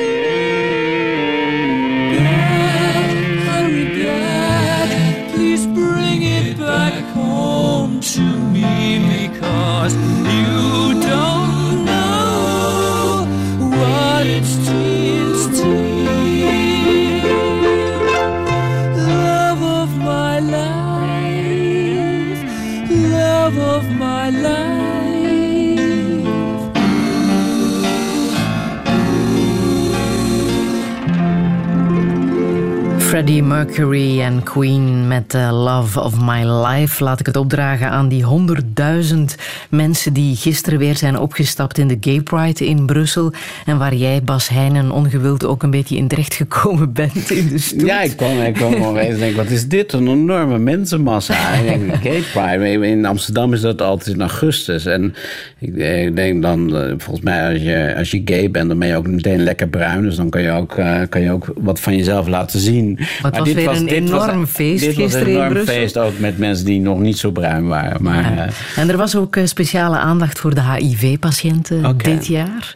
Iets ehm, wat jou eh, ook wel heeft beziggehouden toen Nou, dat voor het eerst eh, naar boven kwam. Nou, ik hè? denk dat als je, als je homoseksueel bent, dat je zeker als je opgegroeid bent, zoals ik in de jaren, ehm, nou zeg maar, late jaren 70, 80, dan heb je natuurlijk wel meegemaakt dat de. de toen ik, laten we zeggen, uit de kast kwam, eh, eh, dat was eigenlijk een soort. Toen speelde aids geen enkele rol. Toen was het een soort euforie van emancipatie ten eerste, maar ook van een soort bevrijding. Eh, en toen, ja, toen, toen kon eigenlijk alles. En dat was natuurlijk de tijd van de disco, hè, een hedonistische tijd. En ehm, ik was toen een jongetje, eh, maar dat, ik werd daar natuurlijk wel, dacht van, ik, eh, ik had het dus veel minder zwaar dan de generaties voor me, wat, wat taboes betrof en zo. Voor mij is het zelf altijd iets volkomen vanzelfsprekends geweest. Zo vanzelfsprekend dat ik eigenlijk nooit bewust mee bezig ben geweest. Ik denk ook niet heel veel lezers. Ik heb ben er altijd volkomen vanzelfsprekend over geweest. Maar het speelt in, in mijn werk alleen maar een rol als ik vind dat het nodig is. Het heeft, ik heb daar verder geen identiteitsverlangens naar of zo. Ik, dat hoeft, hoef verder niks mee te doen. En ik denk altijd maar eens wat Virginia Woolf heeft gezegd over vrouwen en literatuur. Als je een vrouw bent en je schrijft een boek, dan blijkt vanzelf wel uit het boek dat je een vrouw bent. Dat zal ongetwijfeld herkenbaar zijn. Maar als je een, eh, een, een boek gaat schrijven als vrouw, wordt het bagger, zei ze. Ik chargeer misschien even zoals zij het gezegd heeft. Maar als je dus dat overbewustzijn van die identiteit in je werk gaat doen, dan zal je zien dat dat, dat, dat, dat, alleen maar minder wordt. Terwijl als je het voorkomen zelfsprekend vindt, dan zal het zeker herkenbaar zijn. Kijk naar couperus, denk ik ook. Want dat we zo'n schrijver die zeker in een tijd leefde waarin het een- een maatschappelijk zeker een, een taboe was. Eh, kijk naar al die spotprenten die van hem gemaakt worden. Maar in zijn werk is hij totaal, eh, zover, ja, bijna zover het mogelijk was, maar ook toch wel opvallend, eh, vanzelfsprekend over seksualiteit, over menselijke seksualiteit. Hij ziet iedere vorm van seksualiteit eigenlijk als een volkomen natuurlijk iets. En dat is voor, voor, voor in die tijd, dat, dat hij dat in zijn werk zo, dat hij daar niet gehinderd werd door allerlei ehm, remmingen of verontschuldigingen of eh, hè, wat mensen of defensief of dat mensen probeerden het via allerlei eh, symbolen of zo te doen. Nee, de man is eigenlijk is, is volkomen. Nou, Maar hoe een was het dan voor jou in de jaren tachtig toen voor het eerst ehm, over HIV werd gesproken? Toen eh, Dat, was, woord ik- nou, dat veranderde natuurlijk wel. En die vrijheid waar ik net over zei, die was natuurlijk binnen vijf jaar weer afgelopen. En dat, toen kwam er natuurlijk iets wat, wat eh, ja, insloeg als een. ehm, eh, en dat heeft denk ik. Kijk, wij, ik hoor tot de generatie waar, tegen wie altijd gezegd is: ja, jullie hebben niks beleefd. Jaar 60 daar beleefd. En jaar 70 heb ik natuurlijk niet heel bewust meegemaakt. Alle grote dingen zijn gebeurd. Terwijl de, eh, dat, dat, ik denk wat het grootste invloed op het menselijk eh, leven heeft gehad op dat moment, is natuurlijk eh, de AIDS-crisis. En dat was een tijd lang in de jaren tachtig echt een crisis. En daar, zeker als je homoseksueel bent, maar ook trouwens überhaupt als je seks had. Hè, Ik bedoel, ik denk dat iedereen, omdat men niet precies wist hoe of wat, en dat dat. Nou ja, dat, dat leek een, ramp van eh, ja, ongekende. Dat kunnen we bijna al nu niet meer voorstellen, maar van ongekende proporties te worden. Ehm, en dat is het zeker in Afrika ook, ook, ook geworden. Ehm, maar dat, dat, dat mensen niet wisten wat ze moesten. Dus die onzekere jaren, dat kan ik me nog wel herinneren. Dat je, dat je ehm, ja, mensen, het waren, opeens was, was, stond je leven in een andere context. eh, Heb jij zelf schrik gehad? Nee, ik denk dat iedereen die, ehm, eh, die homoseksueel is, daar natuurlijk een, een houding eh, moet zoeken. En natuurlijk, als je veilig doet, dan, dan maar. Je weet natuurlijk dat, dat mensen altijd. eh, in je hoofd gebeuren natuurlijk altijd dingen die niet eh, rationeel zijn. Dus je kunt het allemaal nog zo keurig doen enzovoort. Maar dan, dan zijn er natuurlijk toch altijd, zeker in die tijd, eh, angstige dromen. Het- Tegenwoordig is er natuurlijk een ook dat weer in een nieuwe, andere context met medicijnen en dingen gestaan. Ik heb zelf verder, nou wat ik zei, ik heb me er nooit mee bezig hoeven houden. Maar het, ik, ik denk dat het voor een generatie, ehm, eh, in praktische zin bedoel ik, maar voor een generatie enorm bepalend is geweest. Omdat iets wat juist eh, even het stempel van grote vrijheid kreeg, plotseling eh, in, een, in een hele claustrofobische context kwam te staan. Freddie Mercury was ja, Ja, een van de hij eerste ook bekenden. die heeft ook natuurlijk eh, een dag voor hij stierf eh, officieel bekendgemaakt dat hij effectief aan eh, AIDS eh, leed. Mm.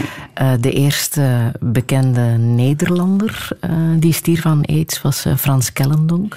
Ja, Hoe goed heb je hem, in de eh, zin minder bekend dan Freddie Mercury in Nederland, Ja. hoor, moet ik wel zeggen. Maar, Maar, hoe, eh, hoe goed heb jij hem gekend? Eh, Frans Kellendonk is denk ik de, de belangrijkste schrijver van de jaren tachtig in Nederland. Ehm, eh, eh, en die eigenlijk die thematiek van de seksuele bevrijding en die beklemming in zijn, zijn, zijn toch wel ja, gebleven roman Mystieke Lichaam op de spits gedreven heeft. Een wrangboek. Ehm, en ik, eh, Frans kende ik al uit de jaren tachtig. En eh, wat was een prachtige eh, figuur, een mooie, mooie jongen. En ook tegelijkertijd ongelooflijk intelligent en kan prachtig schrijven. En dat was wel iemand die, eh, ja, die kende ik. Zoals waren negen jaar verschil in leeftijd. Dus hij was ouder dan ik. Eh, maar daar keek ik wel tegenop. En dat was wel iemand die. Ja, en toen op een gegeven moment die verhalen kwamen van. eh, eh, ja, we is toch wel ziek en dit en dat. En ja, wat was het dan precies? Nou, is het nou, had het iets te maken? Was het nou, nou op een gegeven moment bleek het dan eh, aids te zijn. En dat was, dat was ook, dat was eind jaren tachtig, denk ik. En dat, ja, ik heb een, ben toen meer, het was, was verder niet een hele innige band met hem. Toen ben ik me op gaan zoeken. En eh, toen ben ik wel eh, elke week bij hem langs geweest. Ik heb nog een weekje bij hem in huis gezeten aan het eind van zijn leven. Ook dat, is, dat maakt natuurlijk, als je dan zo'n, nou maar zeggen, idool, hè, als je het over schrijvers hebt, als je iemand waar je enorm van opkijkt en je ziet die, bij hem viel het nog wel mee fysiek, maar die ontluistering van een zo'n groot talent, ja, dat was wel, dat greep, toen was ik denk ik 30, zo tegen de 30, toen, dat greep wel aan, me ontzettend aan. In hoeverre is dat nu nog een gespreksonderwerp onder, onder jouw eh, homoseksuele vrienden, HIV? Nou, ik heb niet zoveel homo's. nee. Nee, eigenlijk niet. Nee, nee, nee. Maar ik kan ja, nee, maar ik ben natuurlijk niet. Ik hang niet in, eh, in, op de wildste partijen rond. Eh, en ik heb al 30 jaar relatie, dus eh, nogmaals, nee, ik, ik heb, ja, maar nogmaals, het is natuurlijk iets wat op een gegeven moment. Eh, ook omdat het natuurlijk niet meer. Het is natuurlijk eerder een chronische aandoening. Eh, er zijn natuurlijk, men weet vrij goed, er zijn allerlei middelen nu. Hè, omdat, de- dat volg ik allemaal niet zo. Maar die, die je kunt nemen om de, om de risico's van tevoren en ook achteraf te verkleinen. Dus dat zal zeker effect hebben. En op een gegeven moment is het natuurlijk. Kijk, op een gegeven moment worden dit soort dingen, dat is bij iedere epidemie of iedere grote crisis, dat in het begin lijkt het, denk ik, net als vogelgriep of wat dingen, in het begin lijkt het iets van: stel je voor dat het zo gaat worden als het is. En dan komt de menselijke geest en de wetenschap vooral in, komt in actie. En die vindt toch altijd vrij snel, en in AIDS duurde het betrekkelijk lang, omdat het taboe groot was. In Amerika, de algemeen, zo geprezen Reagan heeft in wezen heel lang het openlijke debat en, en, en de, de, de, de, de- het onderzoek eigenlijk geremd. Die wou daar niet van weten. En dat speelde zeker in, bij AIDS een, rol. Maar je ziet dan uiteindelijk dat er toch vrij snel iedereen eh, probeert eigenlijk die, dat, die, die ramp te voorkomen. En dan, en dan lijkt het, eh, nou nogmaals, het is, het heeft natuurlijk is wat zeker in, nog steeds in landen als Afrika, of in zo'n landen, Afrika is geen land moet je zeggen, eh, werelddelen als Afrika, enorm huisgehouden. En, eh, en ook natuurlijk in, in het Westen, Eh, maar ook in Rusland, waar het ook een enorm taboe is. Dus die taboe heeft natuurlijk wel de boel erg op, opgeheven. Maar goed, ik denk dat het nu veel meer een, een iets is waar je eh, eh, mee rekening moet houden. Maar ik moet ook rekening houden met mijn hart, bij wijze van spreken. Of met mijn bloeddruk. Dus, ehm, dus dat, het, hoort, het is nu gewoon een onderdeel van, eh, van het leven. maar behapbaar. En niet die, die drank. En ik denk dat zeker in de jaren tachtig natuurlijk voor heel veel mensen het ook een soort... Ja, die voelden zich ook een beetje bestraft op een of andere manier. En dat is denk ik niet meer het geval. Bas Heijnen, ik zei het al even bij het begin, dat ik je zeker zou vragen wat jij hebt met Hugh eh, Hefner, de eh, man Ja, van dat is een heel Playboy. ander verhaal. Ja, dat moet je even aan elkaar linken. Ja. Hoe ben je daar terecht gekomen? In de Playboy nacht, Mansion? en dat is dan in, bij mij, in mijn geval een beetje paarden voor de zwijnen. Maar ik heb één nacht in de Playboy Mansion doorgebracht. En dat is eigenlijk toevallig. Eh, ik was in, eh, in Hollywood voor een, reportage over mensen net, eh, die, die heel lang die daar eigenlijk aan de bak proberen te komen. Je hebt natuurlijk in Hollywood heel veel. Als je gaat bij een restaurant gaat, zijn er eigenlijk altijd acteurs die je bedienen. Maar die acteurs die zijn dan altijd, als ze al ooit aan het werk gekomen zijn in een Hollywoodfilm, zijn ze altijd second officer in een liquor store. Weet je wel, naast Harrison Ford weliswaar, maar altijd in een soort, nou ja, een gezicht. En, en daarna moesten ze gewoon weer in restaurants werken. Dat vond ik heel interessant. Maar ik had bij vrienden gevraagd, omdat ik toch wel contacten zocht daar van eh, scriptschrijvers en dingen. Maar ik had ook een vriend gevraagd, ken je nog iemand die daar woont? En toen zei een vriend van mij, een goede schrijver, die zei van, ehm, ik ken eigenlijk alleen de weduwe van Gene Kelly. En de weduwe van Gene Kelly bleek uiteindelijk eh, veel jonger te zijn dan Gene Kelly, want het was een derde vrouw. En bleek een prachtige vrouw van eh, begin 40 te zijn. En, die, en toen ik haar berichtje zei of ze me wilde ontmoeten. Zei ze ja, want we hadden dus een gemeenschappelijke kennis. Zei ze van ja, is goed, maar ik ga vrijdag naar de Mansion en eh, voor een filmvertoning. He- heb je tijd om mee te gaan? Ik dacht, nou, eh, ja, ik heb wel tijd om mee te gaan. En dan zie je dat dit raar, die Westkust Amerika, waar ik hem eigenlijk liever de Westkust heb dan de, eh, de Oostkust. Dat is, ja, iedereen is altijd aardig eh, tegen elkaar. En als mensen zeggen, nou ja, dat menen ze niet. Maar iedereen is altijd aardig, want je weet maar nooit. Dus een acteur die de auditie doet, krijgt nooit te horen... dit was niet goed, want straks is hij over tien jaar een ster... en dan heb jij hem afgewezen. Dus iedereen is eigenlijk altijd vriendelijk. Dus ik werd ook meegenomen. Die weder van Jim Kelly was bloed, bloedmooie, intelligente vrouw. Die nam in een soort pick-up truck mee naar de hills... en daar stond in de, in de mansion... werd ik geïntroduceerd als the greatest writer of the Netherlands. Dat moet je dan ook niet op af gaan dingen... want zo werkt het niet in Amerika. En Hefner zelf in zijn kamerjas kwam vriendelijk begroet... en had allemaal oude vrienden mee. Het was een soort een bejaardensoos. En- Want hij, hij neemt eigenlijk iedereen altijd mee in zijn hele leven. Er waren dus ook... eh, playmates uit de jaren 50, bij wijze van spreken. Die inmiddels, eh, nou ja, die, mocht, eh, die hoorden nog steeds bij de, bij de mansion, zullen maar zeggen. Die hadden een t-shirt met bunnies op en eh, grote brillen en zakken popcorn. En dan zagen we dus een film uit de jaren 30. Die, dan, dat blijkt dan ook weer die man die geeft geld om oude films te restaureren. Dat is een hobby, want hij houdt er erg van. En dan krijgt hij als dank van de Universiteit van Californië... krijgt hij zo'n gerestaureerde film die dan vertoond wordt. Dus toen zat ik met een zak popcorn in die mansion. Ik ben wel even naar de wc gegaan... en ik heb even de orgiekamer bekeken. En, en toen ben ik ook in... en dat zal de Playboy-lezers... eh, ik weet niet of die er nog veel zijn... maar eh, in de, grot, de grotto geweest. En voor de Playboy-kenners, voor mij dan wat minder... is dat een enorm eh, eh, belevenis, want daar gebeurt het allemaal. Nou, het had ook kunnen gebeuren, want er zaten drie poedelnaakte meisjes eh, in, een, in een soort bad. En die eh, waren volgens mij begin twintig, maar al volledig gemodelleerd of via plastische, plastische chirurgie. En toen ik binnenkwam in de grot, zei ze: Hi, you want to join me? En helaas houdt het verhaal daarop. Maar het is dus waar. Everybody is only two handshakes away. Dit is het bewijs ervan. Ja.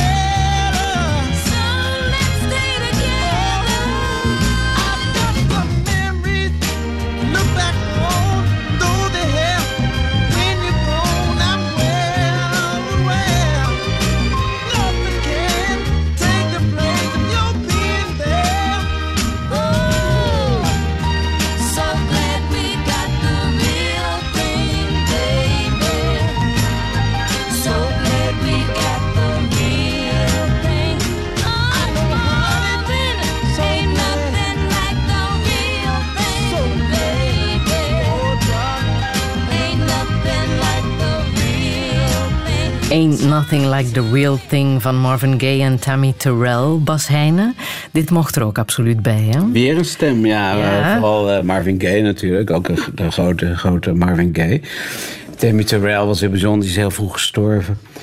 Ehm, en een nummer van Ashton Simpson, dat, heb ik ook dat is een duo, eh, inmiddels is ook eh, een van hen overleden. Maar het was, is een echtpaar wat ongelooflijk veel hits heeft geschreven voor Motown. Zelf ook een eh, carrière, Solid, kent, iedereen misschien wel, die hit. Later, jaren tachtig, is een beetje een, minder niet van hen. Maar ik, ze hebben Ain't No Mountain High Enough geschreven. Heel veel van Marvin Gaye, heel veel voor Diana Ross die, uit die beginperiodes van vroege jaren zeventig. En dat zijn eh, I'm Every Woman van Chaka Khan en later Whitney Houston. Dat zijn twee ongelooflijke songwriters en, ehm, en dit hebben ze ook geschreven. En eh, Tears Dry of Their Own van eh, Amy Winehouse, ook, van, eh, ook deels geschreven door eh, Ashford Simpson. Dus zij zijn, hebben eigenlijk eh, wat de ware betekenis van eminence grise is de, de, degene van invloed op de achtergrond. Dat is eigenlijk wat Ashford en Simpson zijn. Dus behalve Marvin Gaye zijn, is het ook een beetje mijn oude liefde voor Ashford en Simpson. Bas Heijnen, je bent een eh, jonge vijftiger, zal ik zeggen. Ja, dat maar je hebt nu al de PC Hoofdprijs gewonnen. Wat zou jij echt nog willen in het leven?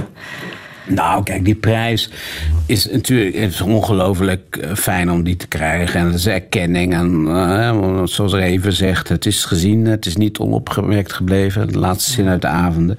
Zo voelt dat ook wel. Aan de andere kant houden we, ik vind het wel heel fijn dat het eh, toch behoorlijk voor mijn gevoel middenin komt. Er zijn dingen die ik heb ik echt wel gedaan. Die zal ik, niet, ik zal niet zo snel meer boeken vertalen of eh, maar ik heb niet, eh, in de wereld waar we nu leven, is, er gebeurt zoveel. eh, dat ik het, het gevoel heb dat, of het nou in een column is of in een essay, dat er nog heel veel te schrijven valt. En ook zo'n boek over, eh, eh, wat ik over couperus heb geschreven, dat kan ik toch ook nog wel over andere schrijvers doen. Bijvoorbeeld iemand als Simenon vind ik ook een groot, groot, eh, grote schrijver. Ja. Daar is veel over gezegd, maar ik denk dat je het ook daar kun je wel weer wat lagen afkrabben inmiddels. Eh, en ehm, nou ja, dus, dus, dus, dus ik, die prijs zie ik eigenlijk meer als een aanmoediging, als ik het zo bescheiden mag zeggen, dan als een, eh, of misschien is het onbescheiden, dan, eh, dan als een soort sluitstuk of een soort bekroning waar je een, een hangmat kan gaan Maar je schrijft tot het einde van je dagen. Nou ja, ik heb ook wel het persoonlijk verlangen altijd om in een hangmat te gaan liggen en verder niks meer te doen. Maar dat heb ik altijd gehad. Daar heeft die prijs eigenlijk nooit zo. Bij mij is het altijd vechten om aan de ene kant vind ik het heerlijk om een vrij wezenloos leven te leiden. Eh, vandaar dat ik zo'n casino ook zo'n zo'n prettige omgeving vind. Eh, en, en, en, maar dan word ik toch ook onrustig en vind dat ik iets in de wereld eh, heb uit te zoeken. Dus, dus die tweespalt is er bij mij altijd geweest. En, en wat ik zei, die prijs, die, die, die moedigt me niet aan om. om en daarbij, ja, je, dus zo zit je gewoon niet in elkaar. Dus ik vind het heel fijn dat, het, dat ik hem nu al heb gekregen. En, Wat heb je gemist in jouw leven? Gemist? Eh, eh. Nee, ja. het zou nu mooi zijn als ik zou zeggen kinderen, maar die heb ik nooit gemist. Dus ik, nee, ik heb eigenlijk gewoon niks gemist. Ik vind het eigenlijk allemaal fantastisch. Ik bedoel, ik heb niet dat ik geen tegenslagen heb gehad of, of teleurstellingen, maar gemist? Nee, gemist heb ik eigenlijk niks. Nee, Wat is geluk voor jou? Eh, geluk is. ehm, ja, nou, nou klinkt het, eh, het klinkt wat ranzig, maar ik bedoel het eigenlijk overdrachtelijk, maar ook wel letterlijk. Als aangeraakt worden door de wereld, eh, door de mensen. Letterlijk ook hoor, dat zal ik niet ontkennen, maar vooral ook. eh, ik heb, we hebben net eh, een aantal mooie stemmen gehoord. En dat- dan voel je je door aangeraakt. En aangezien ik niet religieus ben, eh, denk ik, maar erken ik altijd wel. En daarom heb ik altijd eh, heb ik helemaal niks uit te vechten met godsdienst. Vind ik wel de behoefte van mensen om eh, transcendentie te ervaren, om, om meer te zijn dan hen zelf, door opgetild te worden door iets, door eh, door in vervoering... Toucheerd te raken, zal ik Nou ja, even de naam van het. dit programma maar, gebruiken. eh, om, om in vervoering te raken, om buiten jezelf eh, getrokken te worden... in plaats van dat je maar in je eigen wanen blijft zitten. Maar juist, en dat aangeraakt zijn, dat is, dat is, dat is wat mij betreft natuurlijk ook in letterlijke zin. Ik denk dat heel veel mensen daar ook naar smachten. Maar dat is denk ik waar mensen... eh, in ieder geval ik, wat, dat is, is geluk. Wat is eh, de boodschap die je hier nog wil meegeven? Nou, dit eigenlijk. Zullen we nog luisteren naar eh, muziek uit de opera Tannhäuser met Ja. de stem van Matthias eh, Gorn? Ook een van de mooiste baritons. Ja, dat klinkt alleen maar op, maar ik mocht het zelf uitkiezen. Ja. Matthias Gurne is iemand die een vol bedrijf, die spreekt er overal op. En die zingt ook nu Wagner bijvoorbeeld. Maar hij is een groot liederzanger. En in dit is ook volgens mij iets uit Wagner, uit Ja. Tannhäuser. Prachtige stem. thank you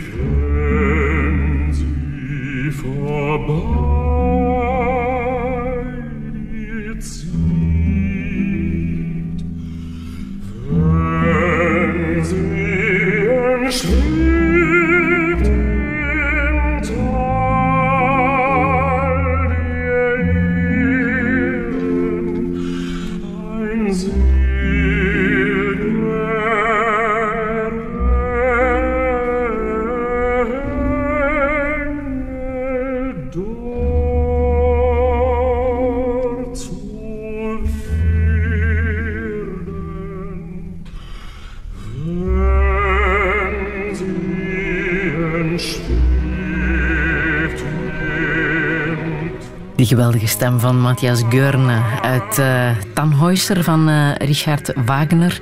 Dankjewel Bas Heijnen voor de zeer fijne muziek en het uh, fijne gesprek. Alle info staat zometeen op onze website radio1.be. Zometeen is er Grand Cru en Sportza. En volgende week verwacht ik hier galeriste Sophie van de Velde. Nog een heel fijne zondag. Jij recht naar huis, terug naar ja. Amsterdam? Ja. Met het Thalys.